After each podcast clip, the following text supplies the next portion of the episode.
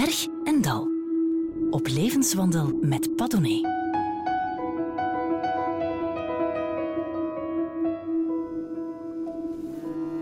Dit is de laatste Bergendal van het seizoen. Dan mag het iets meer zijn.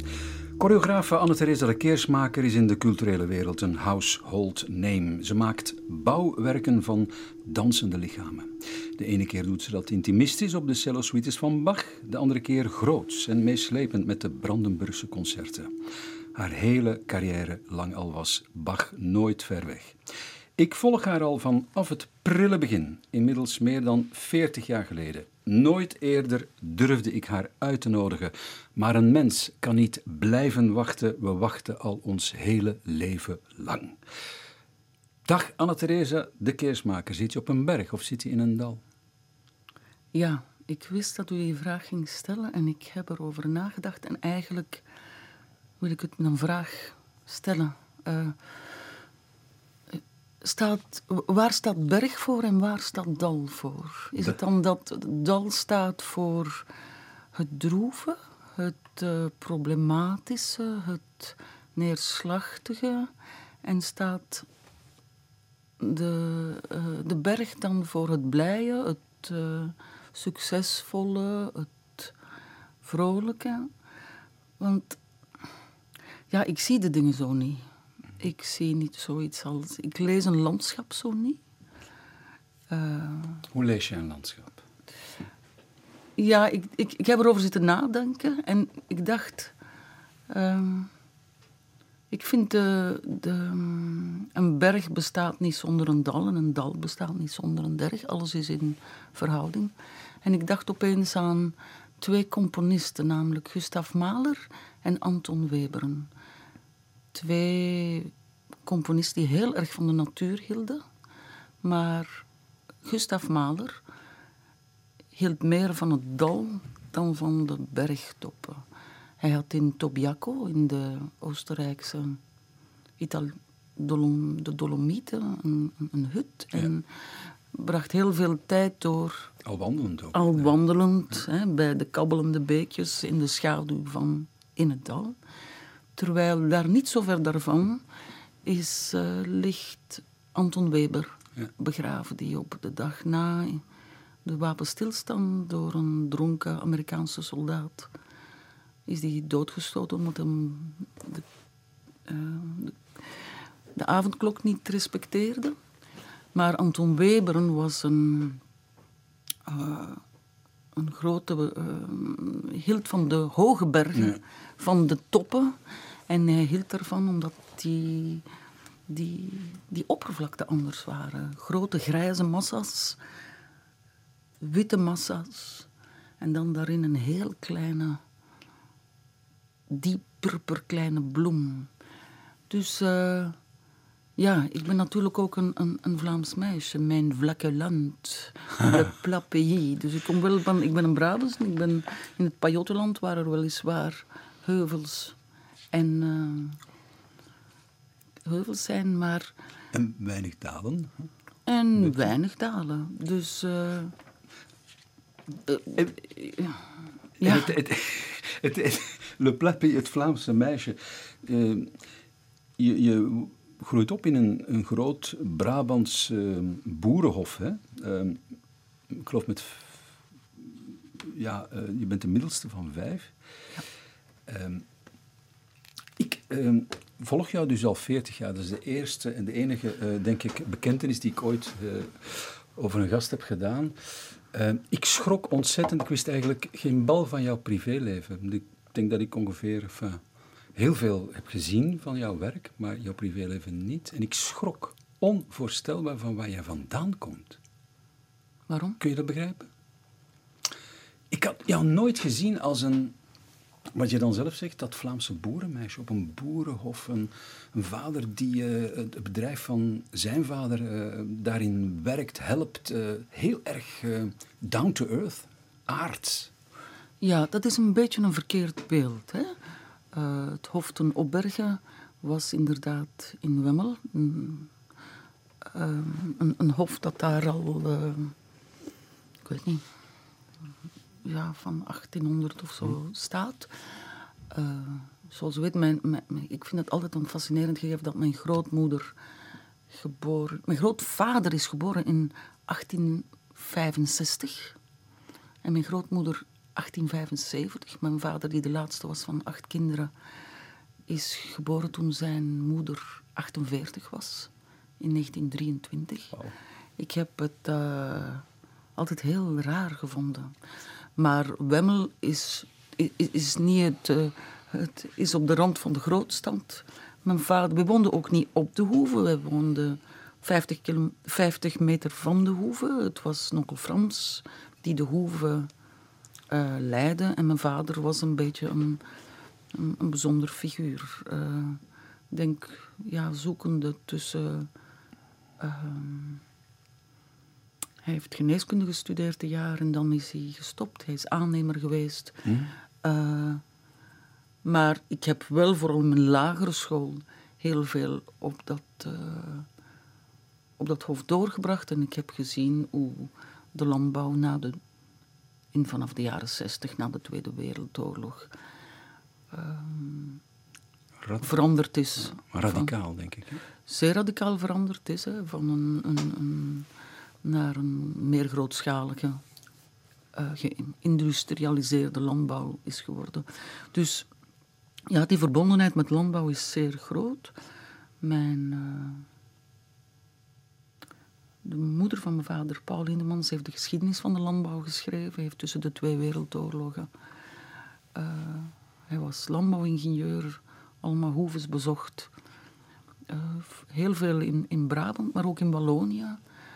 Uh, en heeft optekeningen, uh, aantekeningen gemaakt, interviews gedaan, schetsen gemaakt. Hij schilderde ook. Dus uh, ja. Maar als ik jou um, lees, um, als je het hebt over hoe je als klein meisje op een boerenkar als een soort van prinses zit. dat is niet zo hoor. De, wat is dat dan? Dat is wel dat je illegaal met de camionet leert te rijden mm. en een tractor leert rijden. en, uh, ja, de oogst binnenhalen, ja. En een trekpaard dat er natuurlijk staat en dat Bella heet? Bella was een mengeling tussen een trekpaard en een rijpaard. Een kruising? Het was een kruising, ja. Het trekpaard heette Fabiola. Aha. Fabiola is gestorven. Ze is op een dag lag ze waarschijnlijk vergiftigd neer. Vergiftigd? Ja, of kolieken of zo. Ik weet. Ja. En dat is dus de wereld waarin Anne-Theresa samen met haar uh, uh, broer en zusjes uh, opgroeit. Ehm, het heeft bijna ja, iets bucolisch, iets. Um, nee? Ik ruik het graan. Nog. Mm. Nou, mijn moeder was regentes geschiedenis en Nederlands. Mm uh, ja, bucolisch is zeker niet het juiste, het, het juiste woord. Ge, gebonden aan het, aan het, aan het land. Mm. Hè, van, ja, zeker en vast. Maar uh, het is inderdaad zo. Ik kom niet... U had waarschijnlijk gedacht dat ik uit een... Uh, uh, uit een muzikale of familie of zoiets kwam. Als je het me nu zo op de uh, man af vraagt, hè, um, en op basis gewoon van het werk dat ik zie, dat, dus, we gaan het erover hebben, is gestructureerd, is rigoureus en zo, dan denk ik inderdaad Brusselse, aristocratische familie. En, en daar het buitenbeentje, rebelse buitenbeentje. Dat had ik in gedachten. À côté de la plaque, ja, ja. comme on dit à Bruxelles. Ja. Als ik al iets in gedachten had, dan was het dat. Vind je dat een belediging? Nee, ik denk... Nee, dat eh, denk ik niet. Ik heb altijd ongelooflijk graag gedanst. En ik denk, opposites attract. Ja. Ik beschouw mezelf als een zeer... Uh, niet nou ja, ik denk een ballerina is per definitie een romantisch iemand. Hè? Uh, dansen. Vele kleine meisjes willen een rokje hebben en ronddraaien. En, en een tutuutje staan en op hun tippen lopen. En een pony in de weide. Ja. ja, ja. Dat is een droom. houden ook heel veel van paarden vaak, ja. Ehm, maar ehm, ik, ik- ik denk door het feit dat ik een tamelijk emotioneel iemand ben, denk ik, eh, heb je nood aan iets dat een tegen, tegen hoe noemt men dat? Wicht, tegengewicht. Een tegengewicht is. Ja. Dus het eh, eerder cerebrale, het mathematische, het eh, gestructureerde, het rationele, is iets wat, wat helpt om richting te geven. Ik weet je, ik, eh, mijn, mijn muziek is van helemaal in het begin mijn eerste partner geweest. Ik heb met muziek van vele verschillende tijdperken eh, gedaan, van de Ars Subtilior eh, tot eh, Brian Eno. Of eh, van ja, Bach tot John Coltrane. Van... Maar ik, ik heb de hele romantische periode eh, overgeslagen. Ja, dat is, dat is Behalve. Verkleerde Nacht van Ja. Schoenberg, hè, wat het laatste is wat Schoenberg gemaakt heeft. Een van de grote stukken die hij geschreven heeft voor en naar de...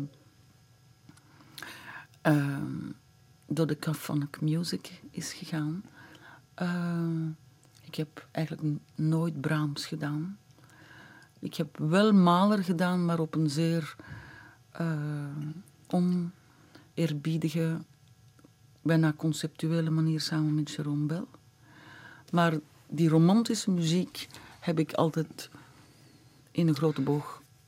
Maar niet alleen dat, ook in de manier waarop je dansen eh, vormgeeft, eh, is dat zo. Hè? Is dat omdat je een beetje bang bent dat... Dat verbaast mij ook, want je komt kennelijk uit een familie waar emoties eh, heftig konden zijn. Kijk, ik denk de meeste families zijn de emoties heftig. All families are psychotic, hè, Anne-Theresa. Daar, daar, daar ben ja, ik zo- ondertussen achter. Zoals ze zeggen, het is overal iets. Hè? Ja, dat is nu zegt Vlaams. Het is overal iets. Ieder huisje heeft zijn kruisje. Maar goed, maar dat komt niet meteen in, in de manier waarop jij die dingen vormgeeft eh, aan bod. Hè. Ik bedoel, dat over, geëxciteerde, dat, het is toch altijd ingehouden. Beheerste emotie. Wat bedoel je, zo'n eh, iceberg? Fire under the iceberg, het vuur onder... de- Kijk, nee, dat is waar en dat is niet waar. Kijk even naar, eh, naar die stukken zoals de allereerste solo, zoiets als eh Violin Face of Rosas dans Rosas. Dat is, Eh, dat is heftig. Dat is als een... Dat is met het lichaam zich... De, de notie eh, la dépense, hè, zonder te tellen, zich tegen een muur gooien. Heel fysiek ook. Hè. Heel fysiek en ik denk het lichaam... lichaam is mijn, Taal? is mijn eerste instrument. Ja. Ja, instrument waarmee ik schrijf. Ehm, en de, het lichaam is bij, per definitie... Daar zit het, in die code van dat lichaam, van die beenderen en zo, zit er de herinnering aan alle mogelijke menselijke emoties. Ja. En ik denk dat dat een van mijn grote... Ik denk dat dat ook een van mijn grote liefdes voor Bach is. Het is zo des hemels, het is zo... En daarom ook zo des mensens. Je bent, mag, mogen dat zeggen, je bent een, net zo oud als ik, je bent, je bent de 60 gepasseerd. 61, ja. Ja, ik de 60 gepasseerd. Ik vind dat toch iets eh, milder. Ehm, dat is zo'n leeftijd, is mijn ervaring, ik weet niet of het de jouwe is, dat je ehm, ja, af en toe toch wel eens terugblikt. Je blijft niet, het heeft niks met nostalgie te maken, maar een soort van melancholie. Eh, in hoeverre speelt vandaag het een rol dat jij de dochter bent van Maurice van Frans van Keske? En van Marie-Jeanne Lindemans. Eh, ja, dat zijn mijn ouders. Dat zijn de mensen... De, ik ben geboren... Als een pinksterroos werd ons dit kind geschonken. Ik ben met Pinksteren geboren. eh, geboren. Ehm, ja, Stond dat op het geboortekaartje? ja. Ik denk zelfs werd ons door God geschonken. Eh, als een pinksterroos werd ons, ja. God, Ons huis, heerde, ons huis heette ook de Eglantier. Ja, maar Anne-Therese, als jouw ouders je zo aankondigen eh, aan de wereld, dan, dan, dan Ja, dat is, dat is heel moeilijk om dat te volbrengen. Hè? Dat is heel ambitieus. Hè? Mm, Door God geschonken als een pinksterroos. ja. Heb je die ambitie waargemaakt? Nou, ik weet niet. Ik, ik wou even iets zeggen over Ja. die 61. Ja, oké. Eh, stel nu dat ik er 100 word. Mijn grootmoeder is er 95 of 93 geworden. Ik heb nogal een behoorlijke discipline. Want ik wil, ik, wat ik het liefste doe is dansen. Dus ik ben, ik ben op een dagelijkse manier bezig om dat wat ik het liefste doe en het instrument dat ik daarvoor nodig heb, eh, te onderhouden, eh, dan 0,618. Dat is de golden section, de gulden snede van mijn leven.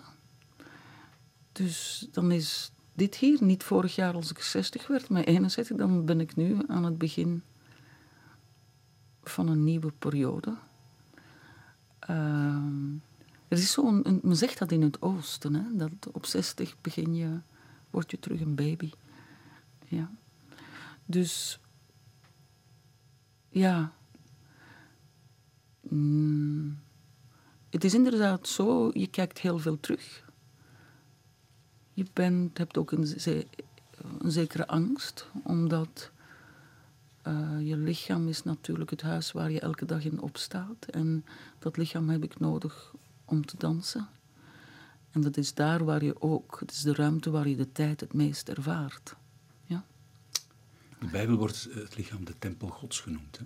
In? De Bijbel, de tempel gods. Het lichaam. Oh, ja. En daarom moet je ook dat lichaam heel goed verzorgen. Ja, ja. Lichaam en geest zijn één. Eh, we leven natuurlijk in heel vreemde tijden waar je aan verondersteld wordt niet alleen het lichaam van de anderen te wantrouwen, maar ook je eigen lichaam. En dan heb je het over de pandemie, waar we Eh, ja, absoluut. zitten, zaten zitten. Ja, ja, ja. Dus, dus dat is. eh, ja, ik denk dat, dat ik zoals iedereen over die dingen heel veel nadenken, nagedacht heb in het laatste jaar. En van waar komen we vandaan, waar staan we vandaag en waar gaan we naartoe? En dat heb je vooral het laatste jaar gedaan? Ja, ik denk dat dat inderdaad zo is, om, omwille van die leeftijd. En ook omwille van het Ik heb, opgesloten zitten. En het opgesloten zitten. En eh, omdat we toch in een soort van collectieve choreografie zitten. Hè? Eh, van, Je moet een danser zijn om dat- dit een collectieve choreografie te noemen. het is toch zo? Leg dat eens uit. Ze hebben zelfs eh, speciale eh, kostuums, die maskers. Ehm, ja, er zijn heel veel mogelijke definities van, van wat choreografie is. Eh, tussen belichaamde abstractie, het organiseren van bewegingen in tijd en ruimte. Als je aan een kind vraagt, dansen is ronddraaien en springen. Eh, de zwaartekracht uitdagen, hè? het verlangen om te vliegen. Eh, ik denk dat dansen het een van de meest menselijke, onze, onze, onze menselijke natuur eh, vieren is, hè? to celebrate our humanity. Maar er is een, nog een, een, zesde die ik, eh, waaraan ik dacht dat het is. Choreografie komt van het Griekse woord grafijn schrijven en choreo is. It's writing the people, is de mensen schrijven en de ruimte tussen de mensen schrijven. Zoals in een Griekse tragedie de chorus tegelijkertijd een circulaire dans was. En, maar tegelijkertijd de functie was het becommentariëren, een kritische noot op wat de hoofdpersonages deden. Het koor, hè? Heerlijk, koor, hè? ja. Heerlijk, hè? En dat geeft ook meteen een, een potentiële politieke dimensie aan, aan wat choreografie, uh, choreographing is.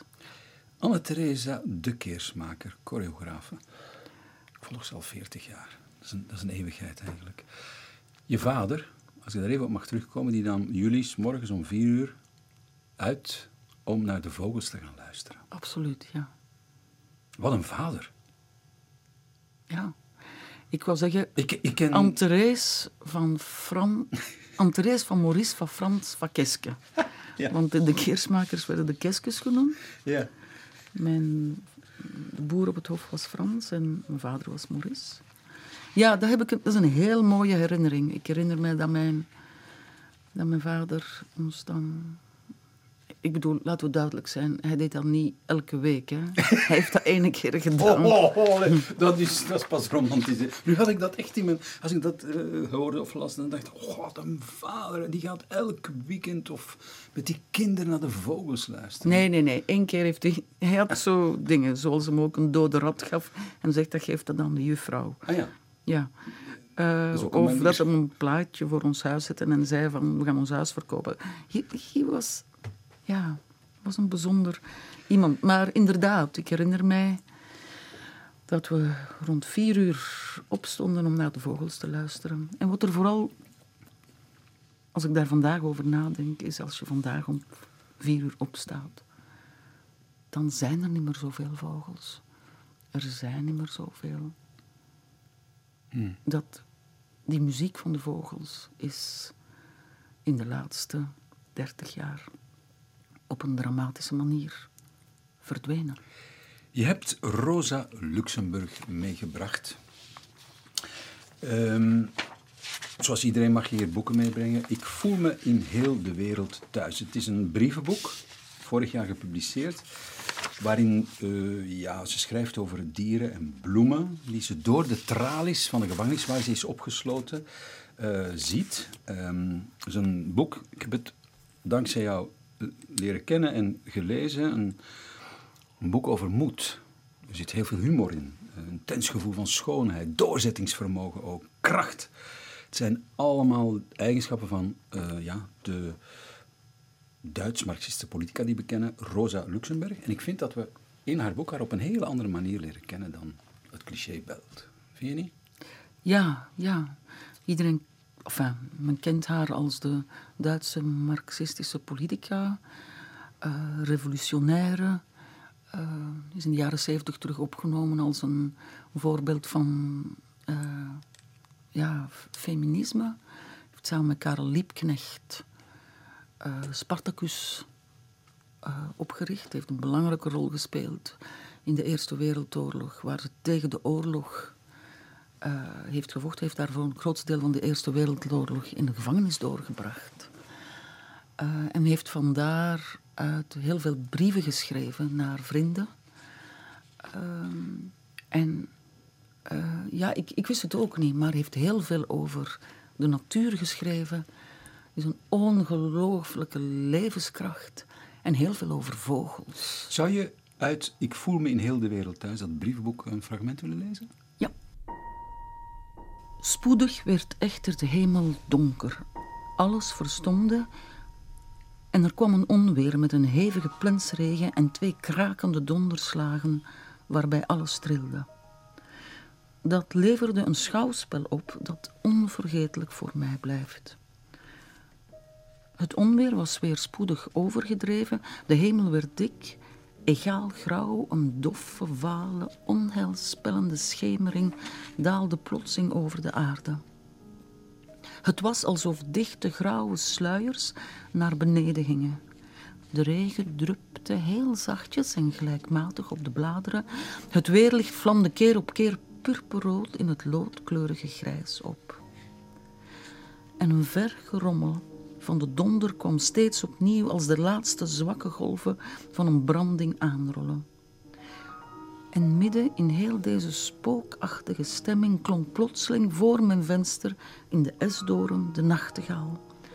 Midden in al die regen, dat weerlicht, die donder, kweelde hij als een heldere klok. Hij zong als in een roes, als bezeten, wilde de donder overstemmende schemering verlichten. Ik heb nog nooit zoiets moois gehoord. Zijn gezang werkte op de achtergrond van de afwisselend lode en purperhemel als lichtend zilvergeschitter. Dat was zo geheimzinnig, zo onbegrijpelijk mooi. En ik herhaalde onwillekeurig het laatste vers van dat gedicht van Goethe. O, weas du da. Steeds je rosa aan Sonja Liebknecht. Anne Theresa de Keersmaker, de choreografe, las een brief van Rosa Luxemburg. Je kunt het nalezen in Ik voel me in heel de wereld. Dat is een heerlijk brievenboek. Jozef Labor, hij is eh, in de ogen van Ludwig Wittgenstein de grootste levende componist die hij kende. Zijn belangrijkste wapenfeit is het componeren van het allereerste pianoconcerto voor de linkerhand ooit. Met name voor de broer van Wittgenstein, Paul, bekende pianovirtuoos, die zijn rechterarm verloor tijdens Wereldoorlog 1. Maar wij gaan luisteren naar die Jozef Labor, een uh, sonate, de eerste voor viool en piano.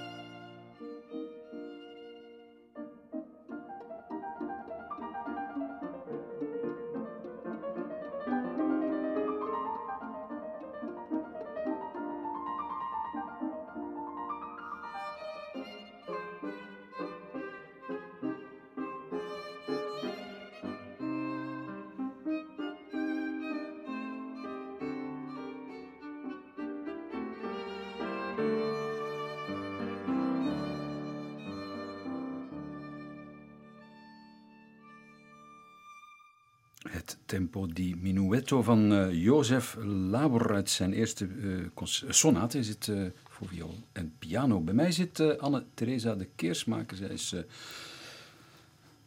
overbodig te zeggen choreografe of choreografe.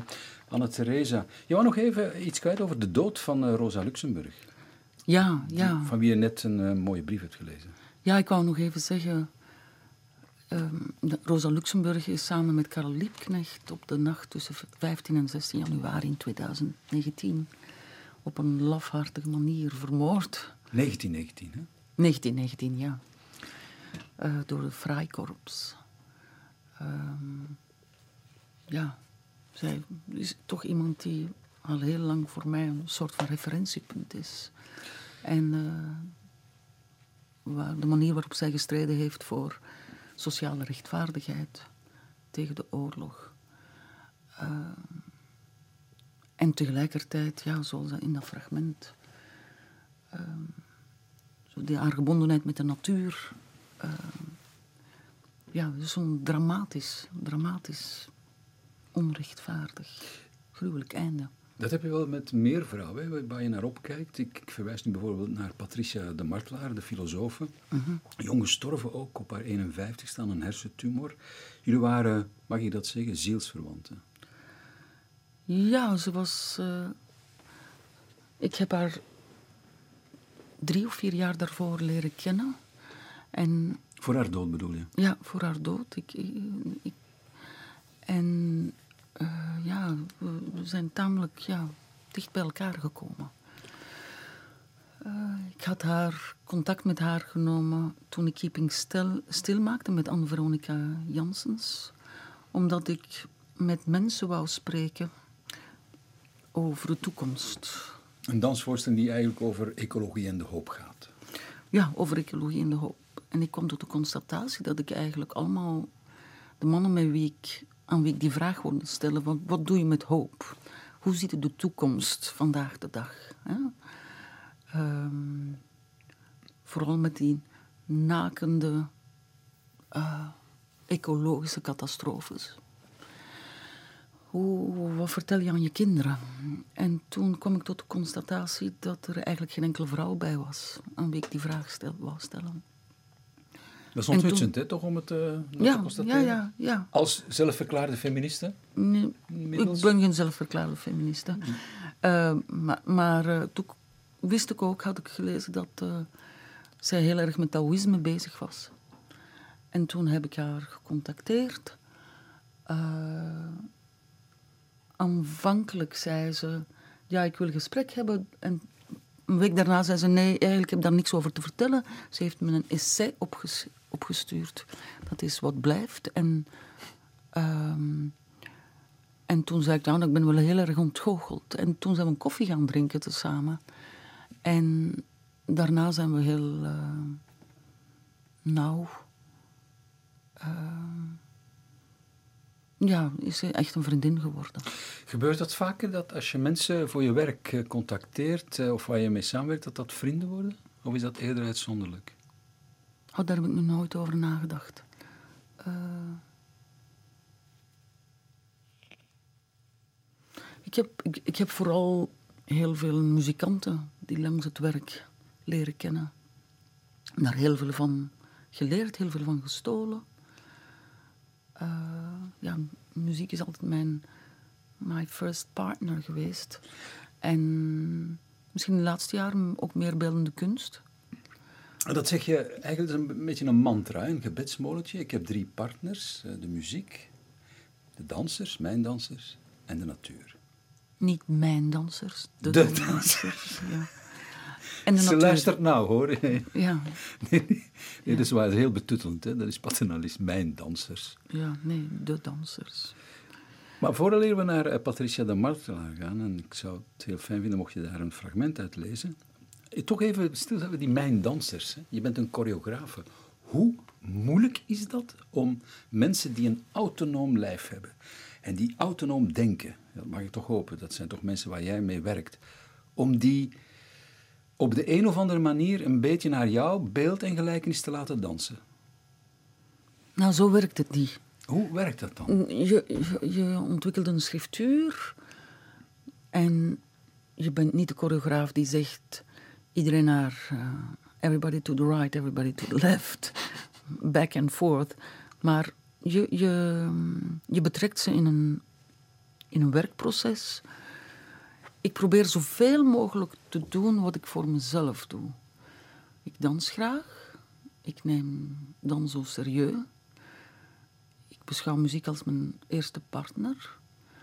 Dus je gaat parallele wegen waar je vanuit, ofwel vanuit improvisatie, want het onmiddellijk in uh, directe verlangen, je hoort de muziek en je begint erop te dansen.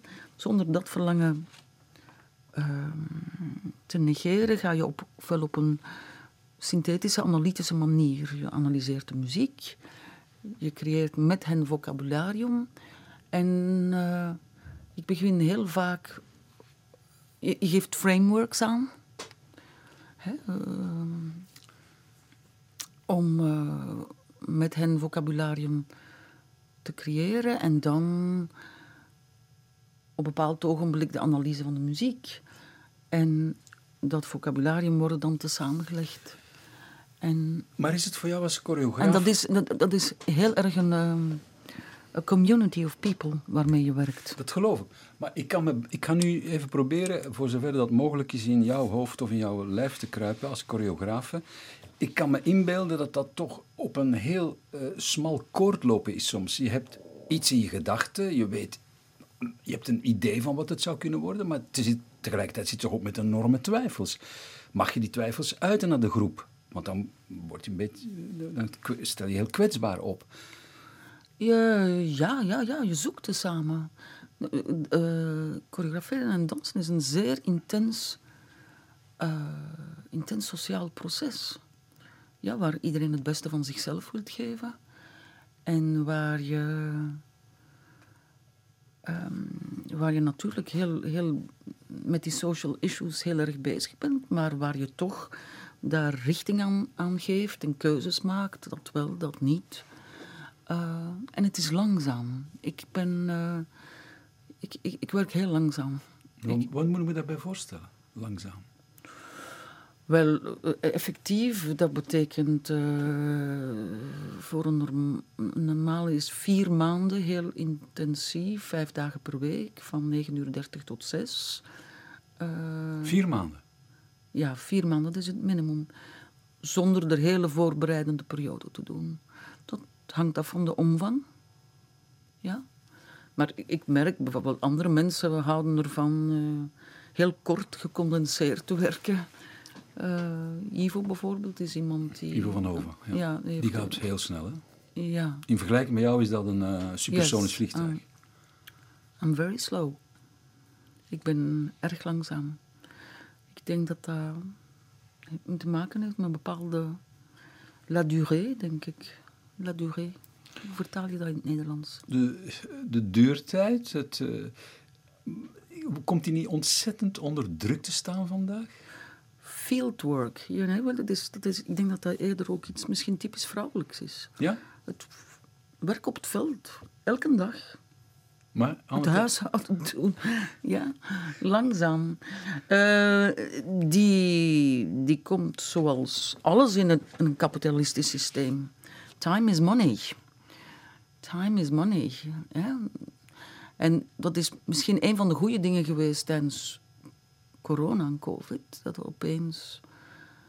Ik denk, onze eigenschappen... We're flexible and resilient. Wij zijn veerkrachtig en flexibel. Uh, maar ja, je bent ook deel van een, een bepaald marktsysteem. Ja, waar je onder druk moet, onder druk moet werken. Ook Anna-Theresa de Keersma? natuurlijk. Wat dacht u? Oh, ik dacht dat jij daaraan kon onttrekken. nee, en dan omdat men denkt, Rosas is een gezelschap dat 75% van zijn inkomsten genereert door te spelen. Hè? Dus niet van de subsidies. Dus daar zit een voortdurende druk op hoe je, hoe je die dingen afweegt. En hoe ga je ermee om? Hard werken. Hard werken en... Uh, en is dat een mentale belasting soms? Wetende? Dat is zeker een mentale belasting. Dus in die zin was corona opeens niet te kunnen spelen, geen tournees te kunnen doen, maar in de studio te zijn, uh, was, uh, was een blessing, was een, een, een, zegen. Ondanks de hele andere choreografie van bubbles en testen en... Uh, we konden niet spelen, dus we, we, konden niet spelen, we konden niet voor het publiek gaan, dat waar je het uiteindelijk voor doet. Heb je het gemist? Uh, ja, ja, ja, ik denk dat je het wel het gemist is. Want ja? het is natuurlijk de ultieme... Je zit niet altijd voor de spiegel te dansen of tussen elkaar te dansen. Maar die, die contact met het publiek, dat rond het vuur dansen, om het zo te zeggen, ja, ja, is natuurlijk essentieel. Dat tribale. Nou, niet tribale, maar... Je danst niet voor jezelf. Je danst om... performing arts is toch hetzelfde. Hè? Een moment van waar we tijd en ruimte delen. Om, om, om te vieren, om te rouwen, om na te denken. En dat te doen met een, een, met een, met een gemeenschap van mensen, community. En al die schermen en zo, dat kan dat onmogelijk vervangen. Die schermen die nu tussen ons staan, bedoel je? Voor, uh, de schermen die er staan en uh, online uh, ja. en livestreaming en zo, it's a different thing. I mean, ik zweer het niet totaal af, maar die live ervaring is essentieel. Patricia de Martelare, daar hadden we het over. Je gaat er een stukje uit voorlezen. Een van jouw drie partners, de natuur, daar heeft zij het ook over. Um, ja, ik een heel bijzonder fragment. Wat van mijn strijdbare dierenliefde van weleer overblijft, is een gevoel van diepe verwantschap in het delen van eenzelfde lot. De sterfelijkheid staat ons op het lijf geschreven. En dit ondanks onze niet aflatende inspanningen om het leven te behouden en door te geven. Een algemene vergankelijkheid delen wij uiteraard ook met de planten en de dode stof. Maar omdat die zo weinig blijk geven van eigen streven, roepen ze doorgaans hooguit slechts een abstract besef van verwantschap in ons op. Wat de plaats van het dier betreft, schijnbaar ergens tussen de materie en de mens in, lijkt er voor ons aanleiding te zijn tot uiteenlopende houdingen, variërend van onverschillige minachting tot afkeer en vrees, maar ook tot onverholen bewondering. Het dier lijkt iets te kunnen wat wij zijn verleerd. Het staat ergens midden in waar wij onherroepelijk uit zijn verbannen. De natuur, het paradijs voor de zondeval, een bestaansvorm voorafgaand aan goed en kwaad. Anne-Therese de Keersmaker, choreograaf, las eh, Patricia de Martelare over eh, hoe wij onherroepelijk verbannen zijn uit de natuur, het paradijs voor de zondeval. Anne-Theresa, François Couperin, is het juist dat je die eigenlijk hebt leren kennen via Thierry de Meij, een van jouw eerste huiscomponisten, als ik het zo mag zeggen? Nee. Hij uh, heeft jou toch, uh, toen je nog jong was, over de leçon de ténèbres uitvoerig zitten vertellen? Ah, François Couperin, ja, hij heeft mij leçon de ténèbres, inderdaad. Ja. Ik geloof samen met kindertotenlieder van Mahler en leçon de ténèbres. Uh, ja. Maar die mister, maar dit nummer niet speciaal. Le, le barricade. Nu, we vragen jou een, een, een lievelingsnummer, plaat. Ik dacht bijna zeker, dit wordt Bach, maar natuurlijk is dat de voorhand liggend. Hè. Het had ook ABBA kunnen zijn. Of... ABBA? Ja, ABBA ook. Wat dan van ABBA? Lay all your love on me. Or Dancing Queen, or Money, Money, Money, Mamma Mia. Uh... Dat, dat zou je nog eens moeten proberen, op ABBA iets te maken. Ja. Heb je er al aan gedacht? Absoluut. Nee. Serieus? Ja, ja, ja. Ja, je kunt natuurlijk, de vraag stelt zich altijd van, na Bach, wat is nog andere goede muziek? En uh, men zegt dan de Beatles, wat waar is. Goede melodieën. Maar ABBA is ook niet slecht. Nee, dat is waar. Couperin is ook van na Bach, hè? Ja, 1717. En waarom uh, Couperin? Vooral dit mooie nummer, Mysterie, Les Barricades Mystérieuses. De titel al. Ja, de titel is al fantastisch. Er is zoiets mooi met barricade, omdat het, het, het tegenhouden van een beweging, nee, het heeft iets op de barricade staan. Er zijn veel voor mogelijke interpretaties. Het heeft ook iets met een mogelijke interpretatie dat het met een, een uh, kuisheidsgordel te maken heeft, maar... Oh. Um, Vandaar dat mysterieus. Nou ja, mystery is also een heel mooi concept, vind ik. Hè? Het, het geheime. Uh, don't tell everything, verklap niet alles. Wij moeten misschien... Als je het niet weet, raad dan maar. Ik ben daar Ja. helemaal mee eens. Je moet tot op zekere hoogte ondoorgrondelijk blijven voor Ja. elkaar. Maar deze muziek heeft ook ritmetici. Dus het heeft het repetitieve dat praktisch aan, zowel aan eh, Ma fin en mon commencement, de Vlaamse polyfonisten, als die Reich doet denken. De patterns die zich herhalen en die alles beweegt alles. En dan met Alexander, Alexander Tarot. Fantastische pianist. Geweldig. hè?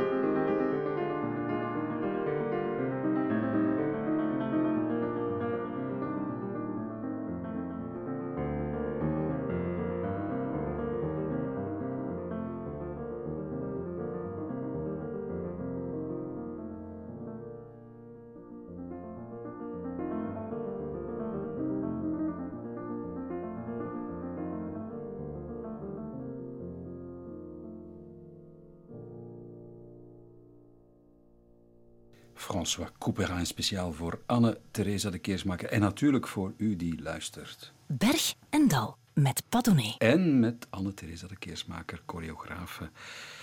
Heerlijk Alexandre Tarot, die we ook eh, heel even zien in de film Amour met eh, Jean-Louis Trintignant. Een gastoptreden. Heerlijke man ook. Anne-Theresa de Keersmaker, 61. Ehm, vanaf september gaan we jou kunnen zien in de Goldberg-variaties van ja, Noblesse Oblige, Bach. En jij danst. Was Ja. dat... eh, je kijkt nu zo van, ja, ik dans. eh, dat is toch logisch, want ik ben een danser. Maar ik geloof dat het drie jaar geleden was dat je de laatste keer op het podium stond. Klopt dat? Niks van. Nee? Nee, Je de, blijft. Goldberg-variaties is de solo die ik gemaakt heb toen ik uit New York terugkwam naar West Side Story. Ik ben in New York begonnen. Eh, die is in première gegaan vorig jaar in Wenen. En vanaf september zal die terugspelen in, eh, hier in Brussel. Ehm, in begin juli doe ik in Parijs, in Châtelet, in Amsterdam. Ehm, Kijk je daar naar het is uit? mijn gouden jubileum. Mijn gouden jubileum in relatie met dans. Ik ben beginnen dansen toen ik tien was. Dus 50 jaar. It's my story with dance. Kijk je daar nu naar uit om dat te dansen? Ja, dat doe ik graag. Ja, dat doe ik heel graag. Maar maakt dat iets extra's omdat het 50 jaar is? Of, of is dat ook maar een getal? Gouden bruiloft, gouden... Nee, het is natuurlijk... Kijk, ik heb eh 30 jaar Violin Face van Steve Reich gedanst. That's a long time. Dat is een lang verhaal. Zo in... Hè? Dus eh, zo 30 jaar lang dezelfde dans doen. Ik zal zeggen, het is een... een, een eh, hoe zal ik zeggen? Het is een, een- een zegen dat, je, dat ik op deze leeftijd nog kan dansen. Enfin, ik, het is niet geen geschenk, want je moet er ook wat voor doen. Hè, om, om dat, eh, Ik weet het niet. Is het anders dansen op je 61 dan op je 20? Of Ja, op je ja. 10? natuurlijk, ja, marathonloopsters zijn geen... zijn iets niet hetzelfde als sprinters. En, en, Je hebt een andere relatie tot duurte. Ehm, en er is... hmm, ik denk dat je, je, je, bent op, je staat op een andere manier in je lichaam. Maar er is ook het hele verhaal dat je... Dat je het verhaal dat je letterlijk lich, belichaamt. Ja. Gaat dat ook gepaard met de angst dat je op een bepaald moment gewoon niet meer zult kunnen dansen?